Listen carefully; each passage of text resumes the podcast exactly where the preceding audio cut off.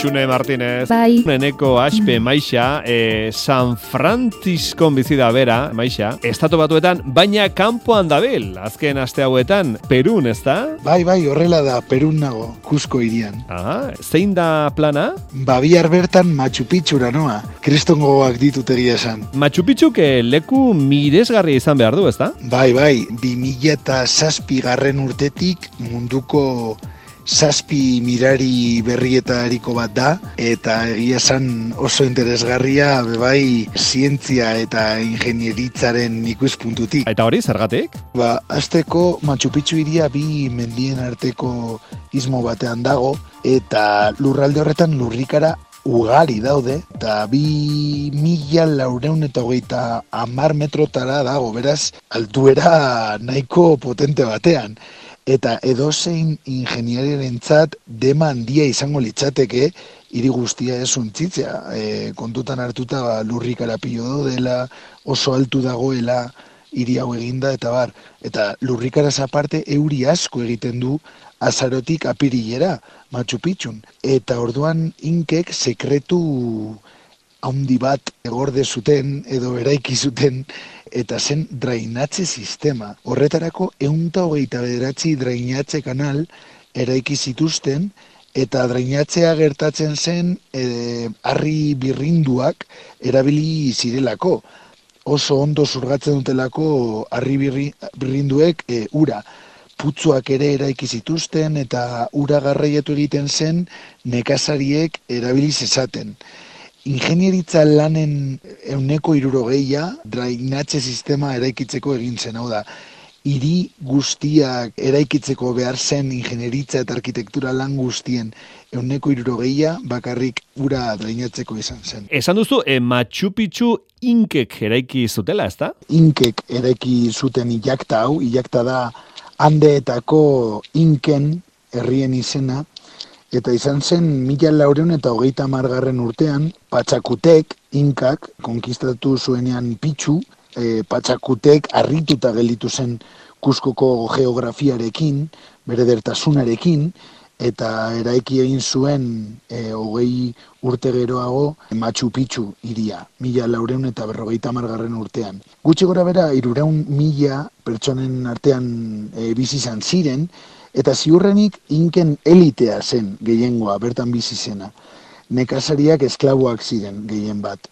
Eta garai horretan e, ez zen urruneko leku bat, baizik eta jende asko pasatzen zen bertatik, eta kontua da gero bai e, patxakutek hil zenean, ba, Machu Picchuk bere garrantzia galdu zuen. Bide berriak eraiki egin ziren e, garraiorako eta Machu Picchutik ez ziren pasatzen. Beraz, mendeetan pista galduta genuen Machu Picchuri. Por cierto, Machu Picchu, Machu da zahar eta Picchu da mendia, ketxua e, izkuntzan, beraz Machu Picchu esan nahi du mendi zaharra. Baina, bueno, kontua da, abizen Euskalduneko kuskoko pertsona batek topatu zuela, geroago, iria, iri galdua, Agustin Lizarraga, mila bederatzireun eta bi garren urtean topatu zuen hiri galdua eta horren aurretik Antonio Raimondi, naturalista italiarra, inguru berdinatik pasatu zen, baina ez zuen iria topatu. Garaiko zientzialari asko joaten ziren zonalde horretara, ba, bertako natura eta espeziak ikasteko.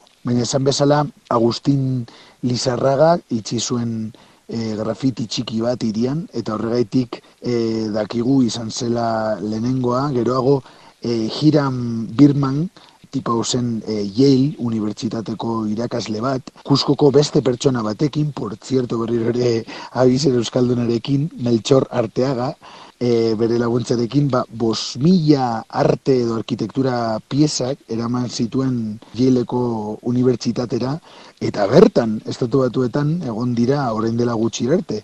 Orain dela sortzi bat urte, ari dira bueltatzen Peruko estatuari e, arribitzi hauek. Eta eta horra heltzeko ondo galdera egiten dizut e, entzun dugu e, mendiko gaitz bat zabalduta dagoela, kasu asko dagoela, ezta? Bai, bai, horrela da. E, ingenieritzaz eta arkeologiaz aparte medikuntzari buruz ere ikasiko dugu. Ba, kontua da, e, 2000 lauren metrotik gora zaudenean, ematen dela e, gaitz hau, pertsona batzuetan, batez ere ba, itxas mailan bizi eta batez ere ba, azkar ematen denean igoera. Nire kasuan esate baterako abioiez eldunaz e, kuskora, limatik, lima itxasmaian dago, eta bera eskaso hoietan ba, larriagoa izan daiteke gaitza, eta bueno, ba, gure Euskal Herriko mendizaleek badakite ondo gaitzoni buruz, mendiko gaitza ematen da presio atmosferikoa geizten denean eta honekin batera oksigeno maila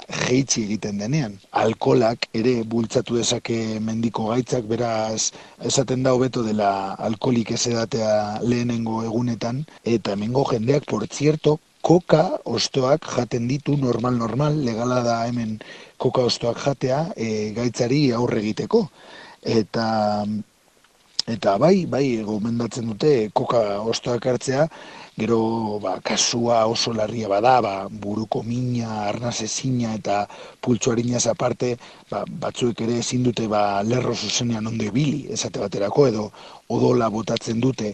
Zain txikiek ba, estanda egiten dutelako, eta bar, kasoietan ja, ba, oksigenoa, eman behar zaie, eta medikamentuak, esate baterako, e, nifedipina, nifedipina da ba, anti hipertensibo bat eta hori ematen da. Baina bueno, noa Machu Picchura espero dugu e, ez ematea mendiko gaitza. Bueno, espero dezagun bai horla gertatzea.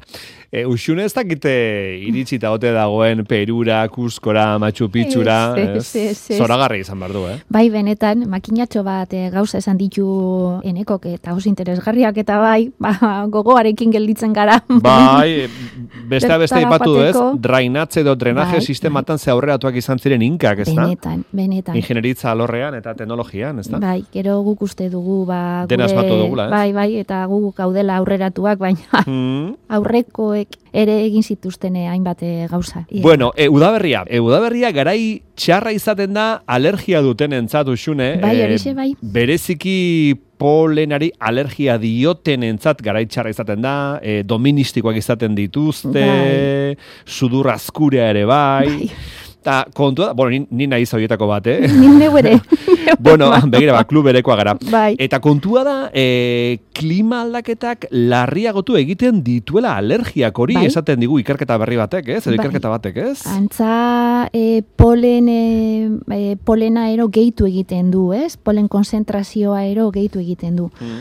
Egia zan, polena urte osoan egoten da atmosferan, ero urte osoan edabile atmosferan berez. Mhm. Baina, bueno, uda berrian izaten da estanda, hau, ez? Estanda, bai. Sasoi honetan e, zer gertatzen da, bueno, ba, polinizatzen direla, e, hainbat polen alergogenikoak dituzten e, landareak, eta mm ez? Esaterako gramineoak, orma belarrak, salsolak, salsolak dira landare batzuk ondartzetan eta aurkitzen ditugula, ondartza ertzetan, ero bastarretan, eta horiek ere loratzen dira eta polinizatu egiten dira. Eta olibondoaren moduko zuaitzak eta, eta, mm bueno, ba, horiek sortzen dute gure inguruan dauden alergia ero polenarekiko alergia e, gehienak.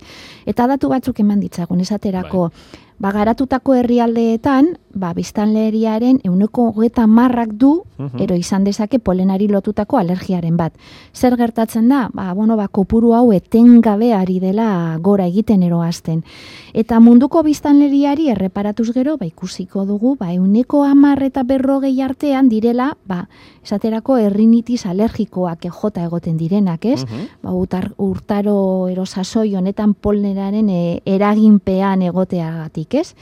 Bueno, ba, bestalde batetik ere, seguru ohikoa izango... Eta esan duzu kasuek gora egiten jarraitzen dutela, bai, edo ez? Bai, e, polenari, bai, alergia dutenen e, kopura gora egiten e, jarraitzen du, edo? Gora eta antza, o, e, klima aldaketak ere badu zer ikusia, e, polenan dagoen, e, atmosferan dagoen polen kontzentrazioa, gero eta handiagoa delako, ba, zeraren gatik, klima aldaketaren gatik zer dela, eta, bueno, klima aldaketak e, zertan eragiten digu, ero zeintzuk dira bere adierazleak, ez? Badanok ezagutzen ditugu, ba, muturreko fenomeno meteorologikoak ematen direla, ez? Mhm. Alde batetik, bueno, lehorteak, erosikuteak, erosikateak, temperatura oso altuko sasoiak izan, izaten ditugu, e, euri jasandiak, esoiko prezipitazioak, eta aizebola da bortitzak, eta esaterako ikusi genuen oindala e, aste batzuk, ez? E, gandua, zelan e, izan genuen, e, bueno, ba, Saharatik etorritako, Ah, bai, ba, egia. ba, gogoratzen duzue, Bai, ba, bai, bai, gandua, bai. ba, ba, hautz gandua, ba, hori ere, e, zera da, klima aldaketari dagokion gauza badak gero eta gehiago ikusten dugula, Mhm. e, Saharatik urrutiago dauden herrialdeetan ere, ez? Bueno, eta zer ekarten digu horrek, esaterako, haize bolada bortitzek urrundik ekartzen dute gurera polena, Mhm. eta gehitu egiten da polen hori, jada bertan duguna, ba, airean suspentzioan dugun polenari gehitu egiten zaio urrundik etortzen zaigun ba, polen hori, ez? Beste alde batetik, temperatura igoera dela eta temperatura altu horiek ere zer egiten dute eragina dute landareetan eta landarek e, polena harinago eta kantitate handiagoan sortzen dute horregatik ere, temperatura igoeraren gatik. Eta batez ere non izaten da nabarmena. Bueno, ba, hau ikertzaiek ikusi dute, asko na, e, igo dela e, ba, iriguneetan, hau da, e, hiri handietan, eta Mhm. menditontorretan, baina txikietan, altura ertaineko e, menditontorretan. Eta baita ere, bueno, ba, egoalderuntz begira dauden e, lur bazterretan, eta, eta e, bueno, ba, hor ikusi dute, Ez, paselan e, temperatura altuek egin dutena da polen gehiago sortaraztea, ero bintzat Mhm. landarek gehiago sortzen dutela polena etoki hoietan. Beste alde batetik, lehorteek, erosikateek, zer egiten dute? Bueno, ba, esaterako, e, lehorte bat e, baldin badago horrek lagundu egiten dio, esaterako gramineoei. Gramineoak dira landare batzuk non alergia asko sortzen dute. Mhm. Eta zeintzuk dira e, gramineoak? Ba, bueno, gramineoak dira, bueno, horrelako e, be, e, landareak, e, belar, belar antzerakoak e, direnak, belarretan ikusten ditugunak, eta esaterako batzuk dira e, gan, mm, ba, zera dutena buruzketan aleak dituztenak, ba, esaterako garia, artoa, Mm. arroza, eta beste alde batetan, eta gurean oso ugariak dira, gure zelaietan, ganaduarentzat e, baska erabiltzen diren e, belarrak. E, rai grasa, daktiloa, ero festuka esaten dana, ez?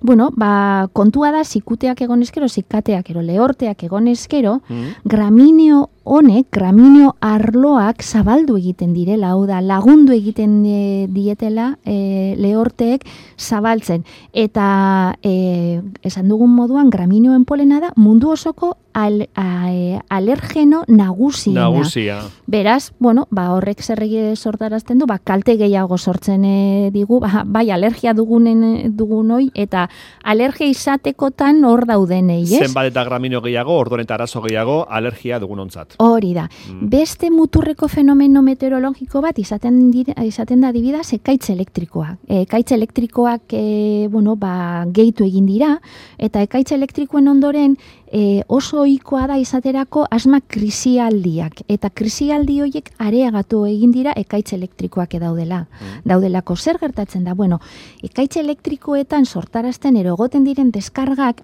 aeroalergeno hoiek, aura gramineoen polena esaterako lurzoroaren parera eramaten dute. Ze polena suspentzioan egoten da, normalean airean, ez? Bueno, ba, ekaitz elektriko hauen e, deskargei esker, zer gertatzen da? Polena jeitsi egiten dela eta lurzoroaren parearen mm kontzentratu egiten dela. Eta behin hor dagoela, ba, e, talka egiten duenez e, lurrarekin eta baita lur horretan esetasuna egoten denez, ba, polen hori biztu ero egiten da eta e, gehitu egiten da. Eta zer gertatzen da, ba, konzentrazio gehiago dagoela, e, airean polenarena gehiago arnasten dugula, Mhm. eta honek, bueno, ba, sentsibleak eh, diren pertsonak, ba, konzentrazio handiak arnasterakoan polenarenak, ba, erantzun asmatiko goiztiarrak izaten dituztela. Eta, bueno, ba, hori kalte, kalte bat, da. Mm. Beste kontu bat, ba, lehen aipatu dugun hau gandua, eh? Saharako bos, basamortutik etorri dela zitzaigun. gutxi eh, etorri zaiguna. Bai, hori da. Bueno, ba, e, Saharak e, beste edozein basamortuk baino hautz eoliko gehiago sortzen du. Egia da, e, beste mantenu, mantenu gaietan eta e, eragin ona duen mineralak eta ekartzen dituela ere. Baina, polena ere zabaltzen du, Hmm. eta ekarri egiten du, eta zer gertatzen da, bueno, ba, populazio, e, e, gure populazioak arnasten duela polena kantitate handian, hau da, Hmm. kontzentrazioa asko e, handitu egiten dala. Ba, hori horrek ekarri digu klima aldaketak ere, Ja, ez? Ba, ja. polenari dagoki honez, e, gure ohiko polen kontzentrazioa asko handitu Handitu ero hasi eginda fenomeno meteorologiko, muturreko fenomeno Mhm. meteorologiko hauek eh, direla eta eta egia da eh, Manu, normalean Mm. bakoitzak modu batean ero bestean erantzuten diola alergiari. Hau da, seguruenik zuk dituzun sintomak eta nik ditudan sintomak ez direla izango berdinak, ez? Mm. Ba, behar badazuk eh, begiak gorriagoa izango dituzu, ero Bai. rinitis kasu gehiago eta Bai. nik gutxiago, nik askura gehiago. inguruak lehortzen zaizkit eta doministikoa izaten dut. Bai, nik adibidez, nik izaten dut askura asko saman, estarrian eta baita belarrietan. Baina, bueno, bakoitzak bere hainbate gauza direla eta ba, bere inmune sistema dela eta bere sentzikortasuna dala eta polenarekiko, bizi baldintzak direla ere, ba, bueno, ba, modu batean ero beste batean erantzuten diogu alergiari. Baina hala ere, ikertzaiek ikusi dute, temperaturaren igoerarekin, ekaitz elektrikoen e, zera dela eta, e, eragina dela eta, zikateen ero lehorten eragina dela eta, eta kanpotik etortzen zaizkigun polena aize boladak direla eta hauts gandua dela eta, zer ikusi zuzena duela ero korrelazio bat dagoela, horretan, hau da, e, pol, e, ba, esaterako aurreratu egiten direla alergiak eta gehitu egiten direla Gehitu. eta baita ere, bueno, ba, e, gaixotasuna ero alergiak aurrezateko kalte bat dela ze e, ezin dute aurrezan lehen bezala, ez? Ze lehen gutxi gora bera jakin, jakin egiten zen nosazten zen e, polen alergenikoen sasoia. Baina orain, hauei, e, fenomeno hauei e, eskerrero horren ondorioz, Esker baina gehiago. ezin da aurrezan- ez, ezin da aurrezan lehen beste, Claro. pero le, lehengo neurri berberean behintzat. Mhm, Bai. Beraz, bueno, ba, zelako gauzak ekarri dizkigun klima aldaketak. Ba, bai, e, ez erronik, ez, eh? Ez, ba, bakoitzak modu batean, ero erantzuna desberdina hmm. izaten dela, bai mm. neurri askotan. Uxune, datorren azten segiko dugu. Ederton, agur. Aio, ondo pasa, eneko? Bai, eskerrik asko, urrengo astera arte, muso ondi ondi bat. Beste bat zuretzako ondo ibili. Thank you.